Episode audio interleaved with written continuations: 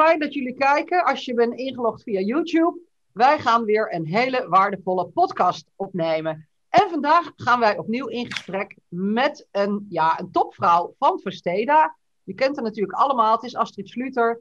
En wij vinden dit heel belangrijk, omdat op 18 maart zijn wij ook de gast bij Versteda. En dan gaan wij het hebben over wat er gaat gebeuren in de politiek en wat dat betekent voor de woonsector.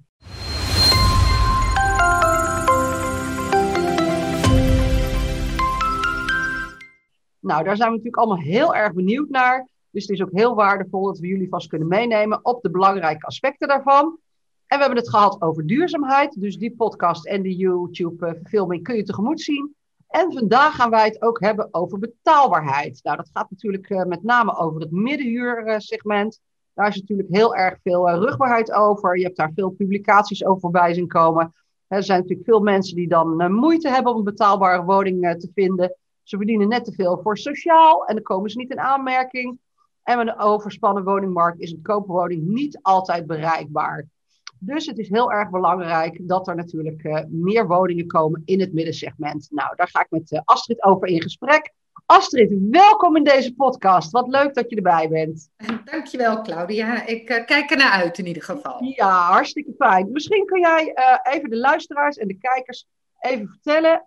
ja, jouw hele naam natuurlijk, maar ook gewoon jouw functie bij Versteden. En ja, wat de belangrijke rol daarbij is. Ja, nou, um, begin ik even met mijn volledige naam is Astrid Sluter. Ik ben uh, COO bij Vesteda.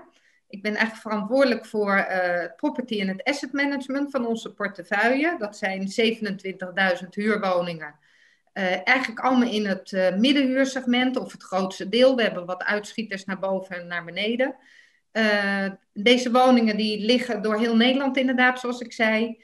En uh, nou, zoals Versteden ieder geval, heb ik ook al eens vaker uitgelegd, maar vrij uniek maakt, is dat wij onze woningen ook zelf beheren en verhuren. Dus ook dagelijks in contact staan met onze huurders. En ja, jij noemde het al even ook, hè, dat je in Nederland hebben we natuurlijk nou, een, een woningvoorraad, een heel groot deel uh, sociale woningvoorraad is. En daarnaast in de koopsector. En wij zitten dan in het vrije huursegment. Hè. En vooral, we focussen ons echt op het middenhuursegment. En dat is dan zo'n kleine 8% van de woningmarkt. En ja, je kan ook wel zeggen dat de huurders in dit segment eigenlijk ja, toch uh, wat bekaaid afkomen. Want waar je in de koopwoningenmarkt de hypotheekrenteaftrek hebt en in de uh, sociale huurmarkt eigenlijk uh, de gesubsidieerde deel en de huursubsidie hebt, ja, hebben onze huurders dat uh, niet in het deel in het middenhuursegment. Nee, precies. Nou, daar gaan we natuurlijk ook de 18e met elkaar over in gesprek. Want wat is nu het geval? Een coalitie van 34 organisaties, die heeft het kabinet opgeroepen om echt zwaar in te zetten op het woningtekort en de verbetering van het woonklimaat. En wat vragen deze organisaties? Nou, ze vragen natuurlijk allereerst om financiële steun, verbetering van de investeringscondities, nieuwe beleidsmaatregelen en een actieve rol van het Rijk op de woningmarkt. En wat willen ze nou? Nou, dat willen wij natuurlijk ook echt heel erg graag dat er in de komende tien jaar een miljoen huizen wordt gebouwd. Vandaar de titel Road to One Million. Om het tekort van meer dan 330.000 woningen aan te pakken. Er moeten meer betaalbare huur- en koopwoningen komen. Nou, en dat is natuurlijk gewoon echt heel erg belangrijk om daar verder over te spreken.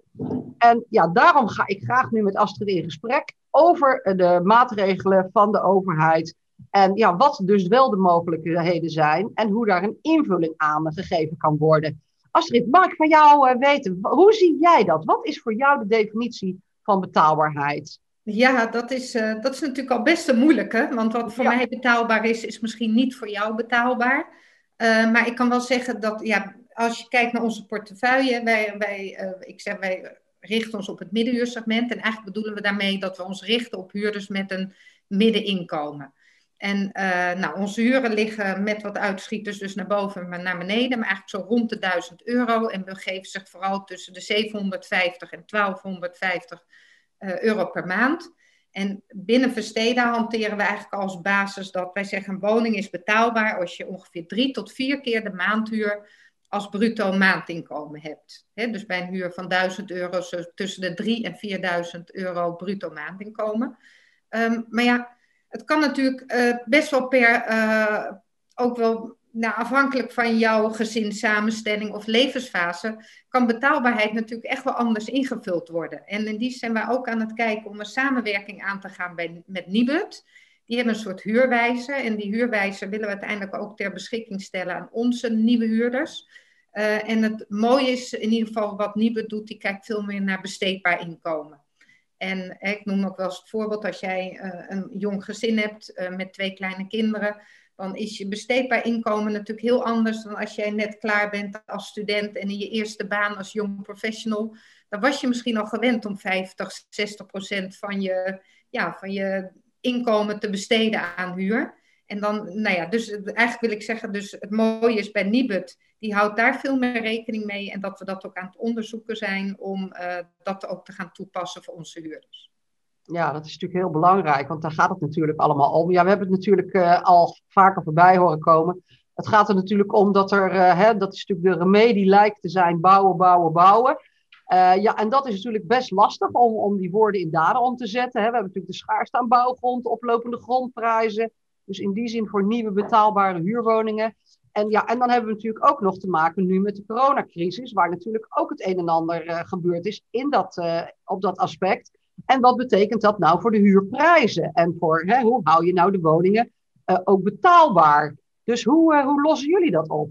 In relatie tot corona, hè, is jouw vraag. Ja, ja. ja, ja. Nou, we hebben in ieder geval echt, uh, nou, al in zeg maar begin april hebben we al onze huurders ook kenbaar gemaakt dat ze bij ons konden melden als ze door, uh, nou ja, eigenlijk door alle maatregelen vanuit overheidswegen in betaalbaarheids, of eigenlijk in de problemen zijn gekomen, ehm, om zich dan bij ons te melden.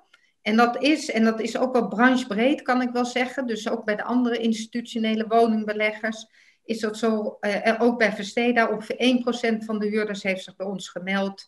En eigenlijk uh, met het verzoek om een maatwerk, een financiële maatwerkoplossing uh, te bieden. En dat hebben we ook gedaan voor deze groep huurders. Uh, vaak kwam het erop neer dat we huuruitstel hebben gegeven en dat we de afbetalingsregeling daarvan in overleg met hun dan hebben ingevuld. Maar er zijn ook uh, uh, groepen huurders die, zich, uh, die ook onderdeel uitmaken van die 1%, die zich bij ons gemeld hebben, omdat ze hebben gezegd, ja, op de langere termijn zie ik ook mijn inkomen niet meer zo snel terugkomen op het niveau waarop ik zat. En dan gaan we ook actief in onze portefeuille kijken of wij ze een goedkoper alternatief kunnen bieden. Oké, dat is wel heel bijzonder. Ja, er is natuurlijk, hè, in die zin is er natuurlijk wel echt heel veel gebeurd. De, het afgelopen jaar is dat zelfs al. En dat betekent natuurlijk inderdaad voor de huurders ook echt veel. Hè? Ik vertelde jou al dat wij vandaag een gesprek hebben gehad met MKB Nederland. Ook omdat ze inderdaad willen kijken van wat kunnen wij doen. Echt voor de mensen in Nederland, voor de ondernemers. Maar dat gaat natuurlijk ook echt op voor de huurders. Dus dat, dat jullie daar inderdaad een, een modus voor hebben gevonden die echt uh, ja, per persoon hè, die daar dus voor aangeeft dat ze daar uh, noodzaak voor hebben, daar een invulling aan geeft, is natuurlijk wel echt heel bijzonder. Ja, is, uh, dat is ook zeker zo. En wat ik ja. misschien ook wel goed om daar om toch ook nog even te benadrukken. We hebben de, dat uh, in, nou ja, in april kenbaar gemaakt. We hebben die oproep ook nog een keer herhaald. En het staat ook op onze website bijvoorbeeld. Dus ja, ik, ik, ik hoop, maar ik mag er bijna van uitgaan dat ook al onze huurders weten dat ze daarvoor kunnen melden bij ons.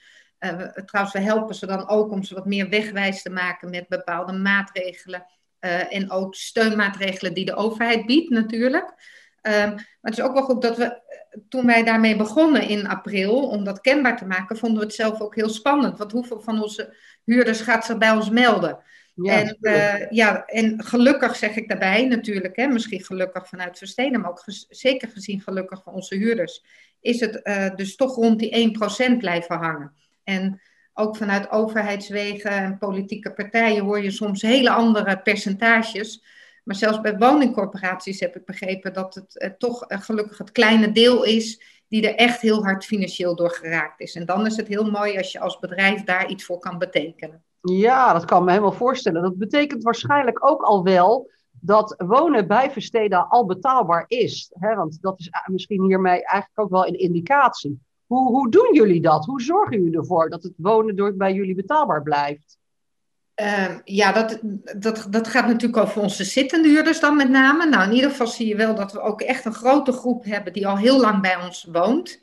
Um, nou kan het natuurlijk wel, die betaalbaarheid, dat is aan de ene kant wat wij doen met onze jaarlijkse huurverhoging bijvoorbeeld.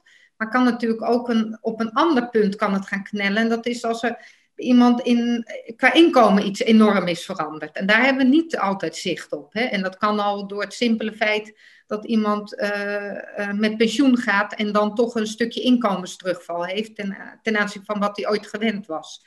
Uh, maar wat wij altijd doen is in gesprek blijven met onze huurders. En dat als het gaat knellen, dat we ook echt actief gaan kijken in onze portefeuille. Uh, en met onze jaarlijkse huurverhoging hebben we eigenlijk al de afgelopen vier jaar een trend ingezet door een gematigde huurverhoging door te voeren. Dus en gematigd, dat, daarmee wil ik echt zeggen, dat is zo gemiddeld van inflatie plus 1%. Ja, oké, ik begrijp het. Hè? Want hè, jullie verhuren natuurlijk dan ook wel woningen in de vrije sector. En hoe, hoe, want ik begreep dat de huuropbrengsten bij jullie dan op een andere manier invulling krijgen. Ja, dat klopt. Kijk, uh, uiteindelijk de huuropbrengsten komen niet bij de medewerkers van Versteden terecht. Of worden ook niet uitgekeerd in de vorm van een, uh, uh, een enorme bonus. Ehm, onze aandeelhouders zijn met name pensioenfondsen en verzekeraars. En, en op zichzelf is het ook wel leuk dat ook wij echt een hele grote groep huurders hebben die inmiddels ook gepensioneerd zijn. Je kan bijna zeggen dat die wonen in hun pensioengeld. Want wat wij doen, wij bouwen zelf ook niet, hè, wij, maar wij investeren in, in woningen, in uh, Nederlandse huurwoningen. Um, is dat we dat pensioengeld wordt dus geïnvesteerd in Nederlandse huurwoningen. Maar ook wat wij natuurlijk, de, huuropbre de huuropbrengsten komen uiteindelijk ook weer terecht bij de pensioenfondsen. Die daarmee ook uh, nou, de pensioenen in ieder geval uh, op niveau kunnen houden. Ja, dat is natuurlijk gewoon echt wel heel belangrijk. Ja, een veel gehoord uh, gebeuren. Dat, uh, vandaag heb ik dat ook nog weer voorbij zien komen. De huurverhoging. Dat zijn natuurlijk wel echt uh, ja, belangrijke dingen. Ook, ook wat er speelt natuurlijk in de politiek en wat er, waar daarvoor gekozen gaat worden. Hoe, hoe zien jullie dat als Versteda met betrekking tot het maximeren van de huurprijsstijging? Ja, laat wij zijn een lange termijn belegger. En ehm, dat zijn onze aandeelhouders ook. En eigenlijk vinden we vooral belangrijk dat wij uh, ook naar onze huurders toe op de lange termijn dat we zoveel mogelijk inzicht geven, ook in de betaalbaarheid voor de langere termijn voor onze huurders. Trouwens, ik wil dat ook nog heel even terugpakken als je het goed vindt. Tuurlijk. Betaalbaarheid zit ook bijvoorbeeld in het verduurzamen van onze portefeuille. In 2024 is 99% van onze woningen heeft dan in ieder geval een groen label. Nou, en dat is niet alleen uh, voordelig, uh, nou, het biedt niet alleen meer comfort, maar scheelt ook in je woonlasten. Um, maar op de lange termijn een betrouwbare partij zijn voor je huurders betekent ook dat wij de, echt de trend die we al, al sinds vier jaar inzetten, met een gematigde huurverhogingsbeleid, hè, met inflatie plus 1%. En ook echt de doelstelling hebben om dat voor de langere termijn voor te zetten daar zijn we ook helemaal niet op tegen. Daar staan we ook heel erg uh, positief tegenover. Uh, dus inflatie plus 1% is wat ons betreft een, een heel mooi, dat, dat biedt voldoende rendement ook, ook voor onze pensioenfondsen om ook weer de pensioenen te kunnen garanderen. Uh, maakt ook dat wij kunnen blijven investeren in de verduurzaming en in het onderhoud van onze portefeuille. Uh, en betekent ook dat wij uh, nou ja, voor de lange termijn afspraken kunnen maken met ontwikkelaars, maar ook met onze aannemers die het onderhoud doen. Dus ik denk dat dat vooral die betrouwbaarheid en uh, nou, dat je. Ja, met ook echt de focus. Hebt. Ja, ja, en echte focus natuurlijk ook op de huurderstevredenheid. Dat is bij jullie natuurlijk een heel belangrijk aspect. En dat was ook echt heel leuk om dat terug te horen in het gesprek met uh, Stefan de Bie. Dat hij natuurlijk vertelde uh, toen hij van tevoren zei, ja, wij doen ook vogelhuisjes ophangen in de buurten waar onze woningen zijn. Dat ik dacht, ja, oké, leuk.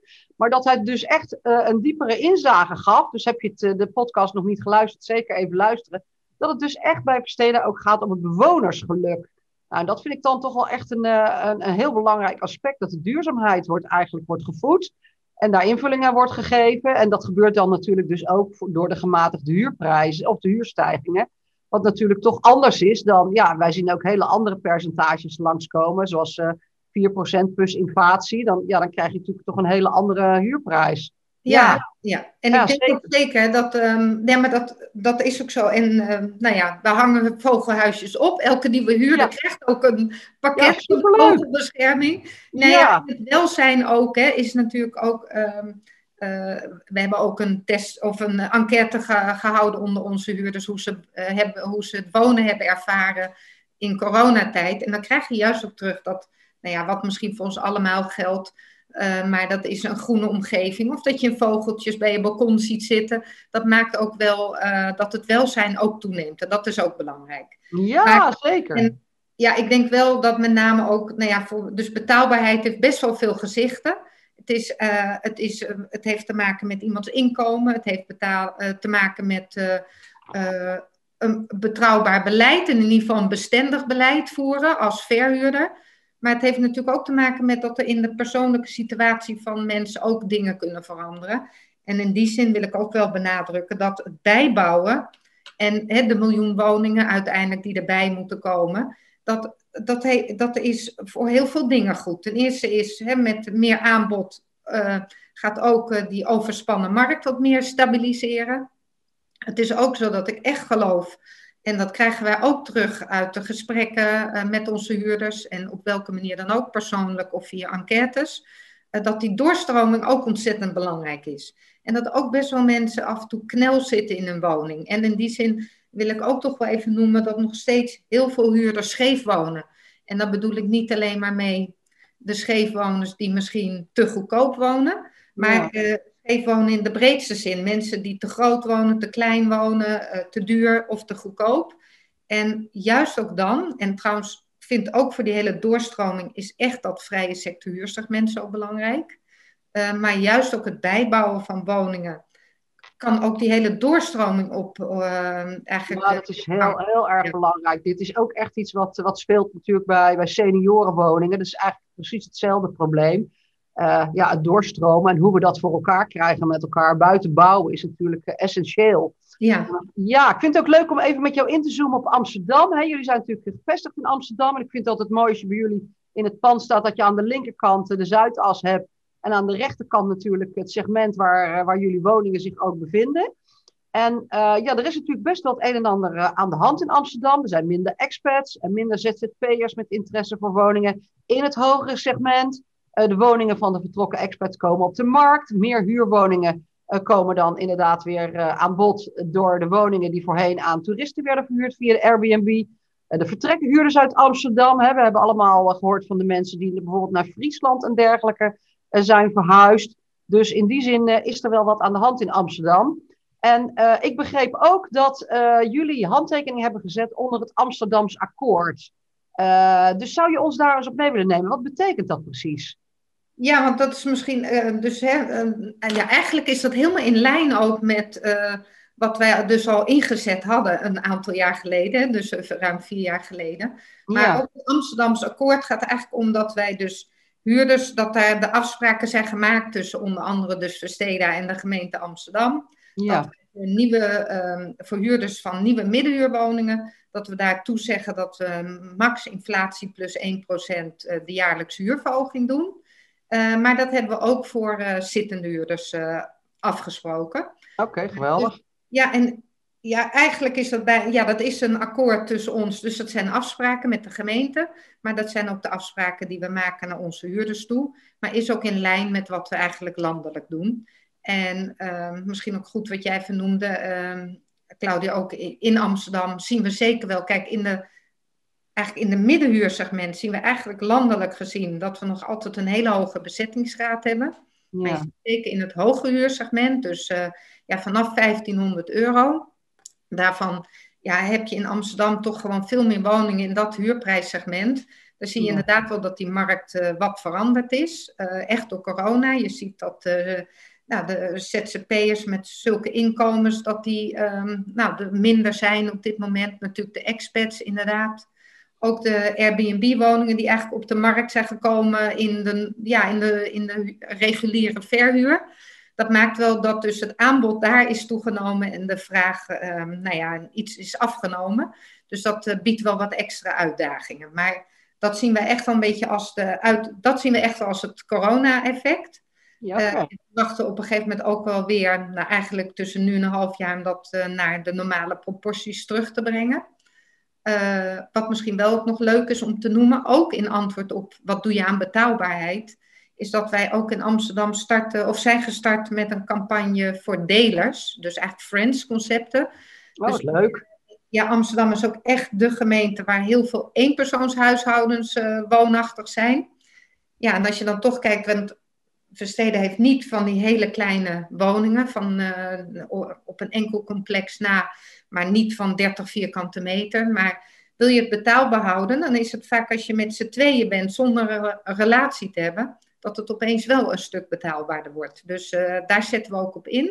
En nou, dat zijn woonvormen die um, steeds meer um, nou, ook uh, geliefd raken.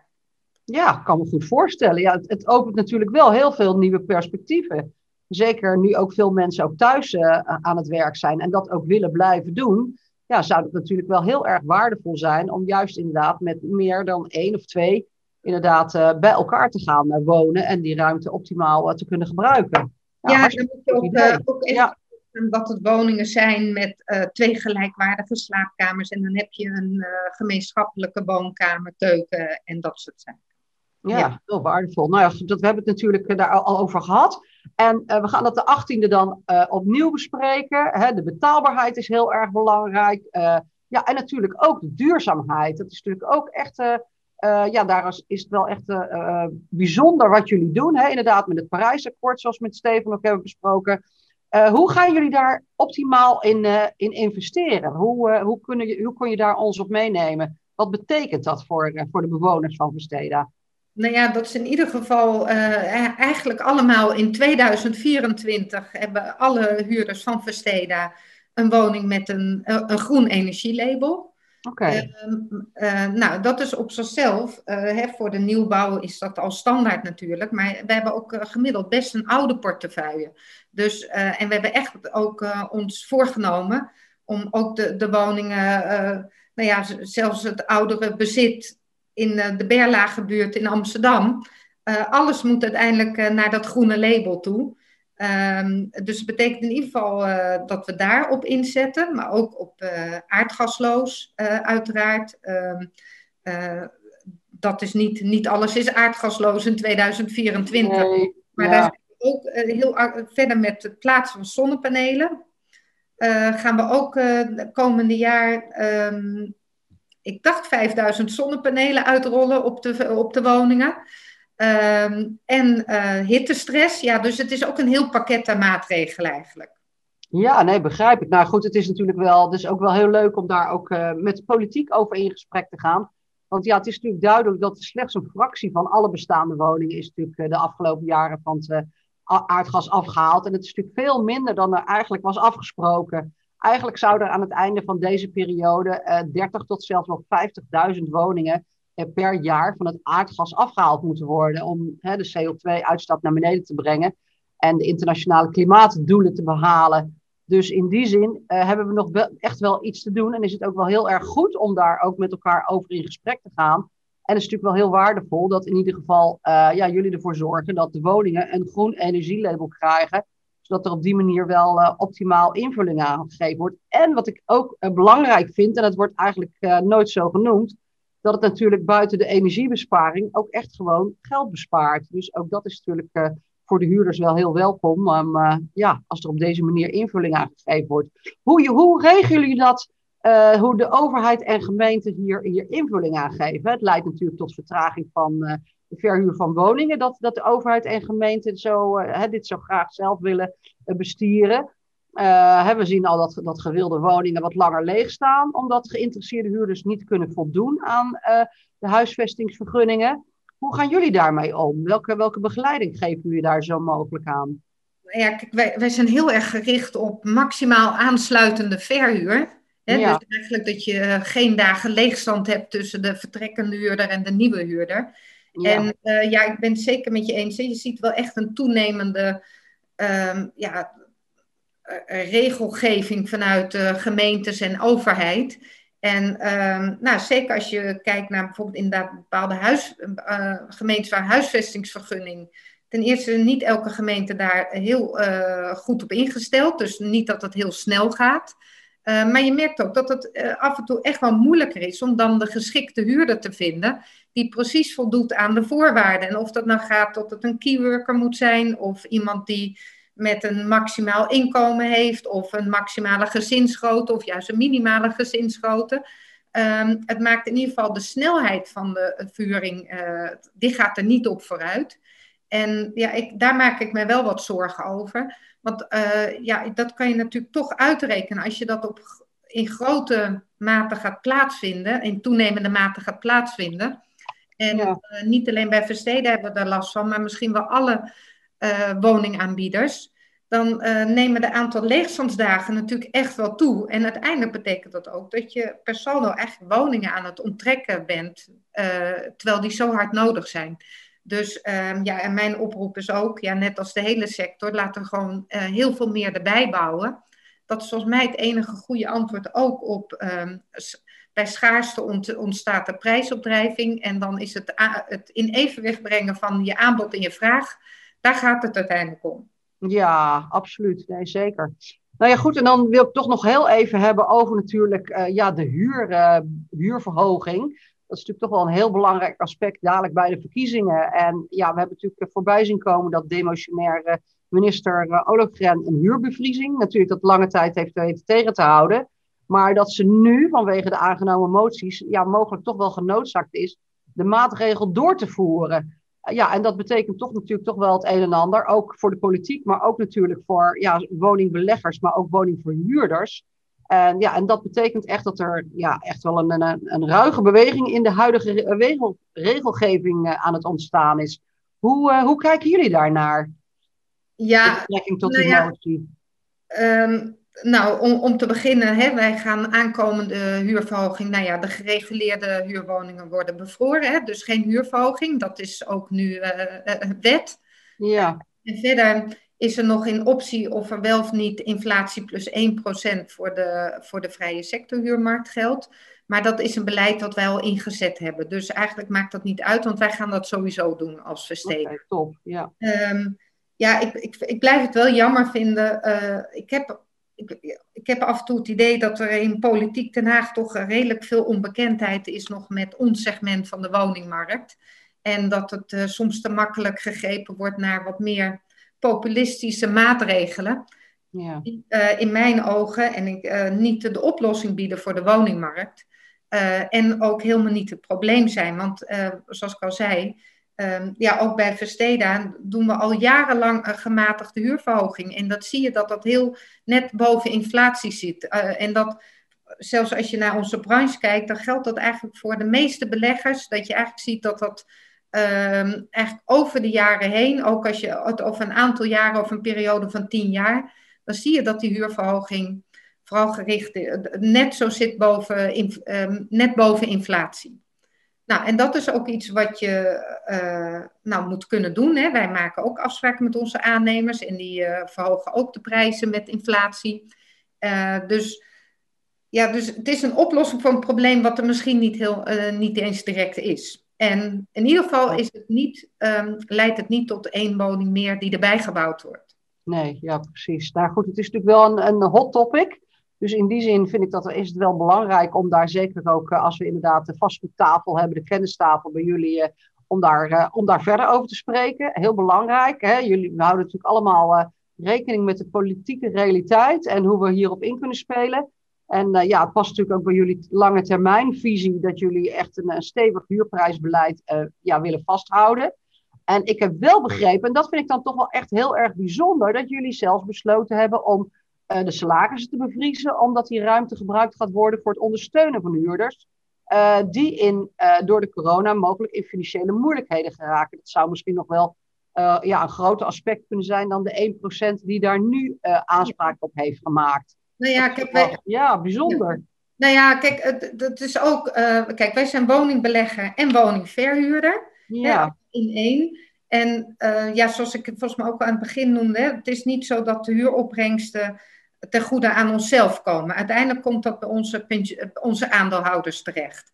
Uh, en we hebben ook gemeend, ook als Versteda inderdaad, en trouwens ook met echt draagvlak van onze medewerkers, om, uh, om ook een signaal af te geven, maar ook om zelf iets te doen en dus de salaris inderdaad te bevriezen voor dit jaar. En ja, dat kunnen we inderdaad onder andere gebruiken om maatwerkoplossingen voor huurders te bieden, die echt in de problemen zijn gekomen door corona. En dat willen we ook doen. En dat vinden wij eerlijk gezegd een veel eerlijkere benadering dan uh, zeg maar alle huurders een beetje te geven. Hè? Dus, uh, zeg, want ja, ja, ja. dat blijkt ook wel. In ieder geval, het overgrote meerderheid van onze huurders zijn financieel gelukkig niet geraakt uh, door corona. En dan wil je ook dat degene die het echt buiten schuld om hard geraakt zijn, daar wil je wat voor kunnen doen. En daar hebben we ook gemeenten, ook als medewerkers van Versteden, daarin een gebaar te moeten maken. Ja, nou fantastisch, echt respect. Ja. Nou, ten slotte dan, dan nog de vraag eigenlijk, uh, want daar gaan we het ook zeker over hebben, maar ik ben ook benieuwd hoe jij daarnaar kijkt. Of bouwen volgens jou de enige remedie is? Misschien heb je ook uh, de blog gezien die eh, Hans Touw daar het weekend over publiceerde, dat hij zei, ja, er moet echt gebouwd worden. Kom op, dames en heren, we moeten met elkaar aan de slag. Maar hoe zie jij dat? Hè? Als, als uh, uh, jullie begeleiden natuurlijk de huurders, maar jullie begeleiden ook inderdaad uh, daarbij de, de fondsen die dit allemaal mogelijk maken. Hoe zie jij dat? gaat het echt over nieuwbouw? of is, is dat nog buiten de doorstroom? zijn er nog andere opties of andere remedies waarmee we dit op kunnen lossen? Nee, ik denk ook dat ehm, ja, bijbouwen eigenlijk de oplossing is. En uh, want de, de woningmarkt zit best wel wat op, of zit best wel wat, zit behoorlijk op slot, denk ik. Ja. En wat ik eigenlijk ook zei van, ook wij hebben in onze portefeuille uh, veel mensen die eigenlijk uh, nou ja, te groot of te klein, te duur of te goedkoop wonen. En ehm, ik, ik, ik geloof echt dat doorstroming ontzettend belangrijk is. Ehm, ja, het liefste zou ik wel eens ja, elke de, elke huurder in de, in de woning willen zetten, zodat het het beste past. Dat kan natuurlijk niet. Ja. Dat een woning soms te duur wordt voor een huurder. Dat, is, dat zit echt niet uh, trouwens alleen maar, hè, dat noemde ik net ook, alleen maar aan de kant van dat de huur maar elk jaar omhoog gaat. Maar zit ook aan het feit dat iemands inkomen kan veranderen. Ja, doordat hij zo lang bij ons blijft wonen. Uh, dat dat uh, bijvoorbeeld uh, inderdaad met pensioen gaat. Ja, en het bijbouwen uh, is, is echt een oplossing voor ehm, nou ja, met name die doorstroming en dat je alternatieven kan bieden. En dat er minder druk komt uh, om, en om een vraag en aanbod veel meer met elkaar in evenwicht te brengen.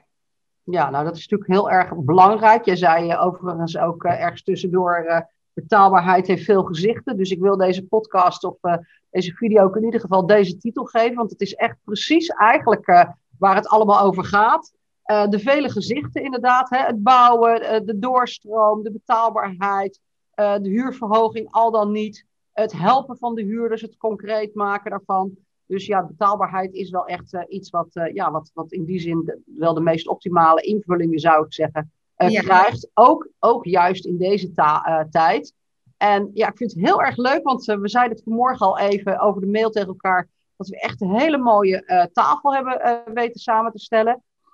Aan tafel gaat bij ons op 18 uh, eh, maart Monique Maarsen van de Maarsen Groep, Annette van der Poel van sectie 5, seniorenwoningen en zorgvastgoed, Hala Naoum Neme, raadslid van de VVD in Amsterdam, Hester van Buren van Rochdale en Klaar Snieders, partner van CFO Capable. Nou, volgens mij echt ja, fantastische vrouwen deze keer. Ook heel erg leuk dat we dat op deze manier invulling geven. Het past wel weer helemaal bij de vernieuwende manier uh, ja, waarop we dit samen weer, weer het handen en voeten gaan geven.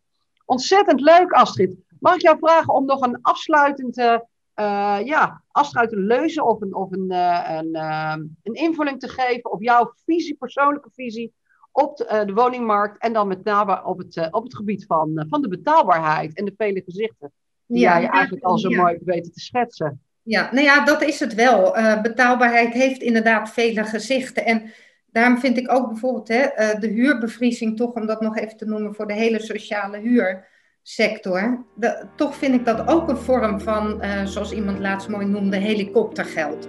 Want dat, ook dat komt niet altijd bij de mensen en bij de huurders terecht die het nodig hebben. Hè. Dan denk ik ook toch aan nog, de, de groep scheefhuurders.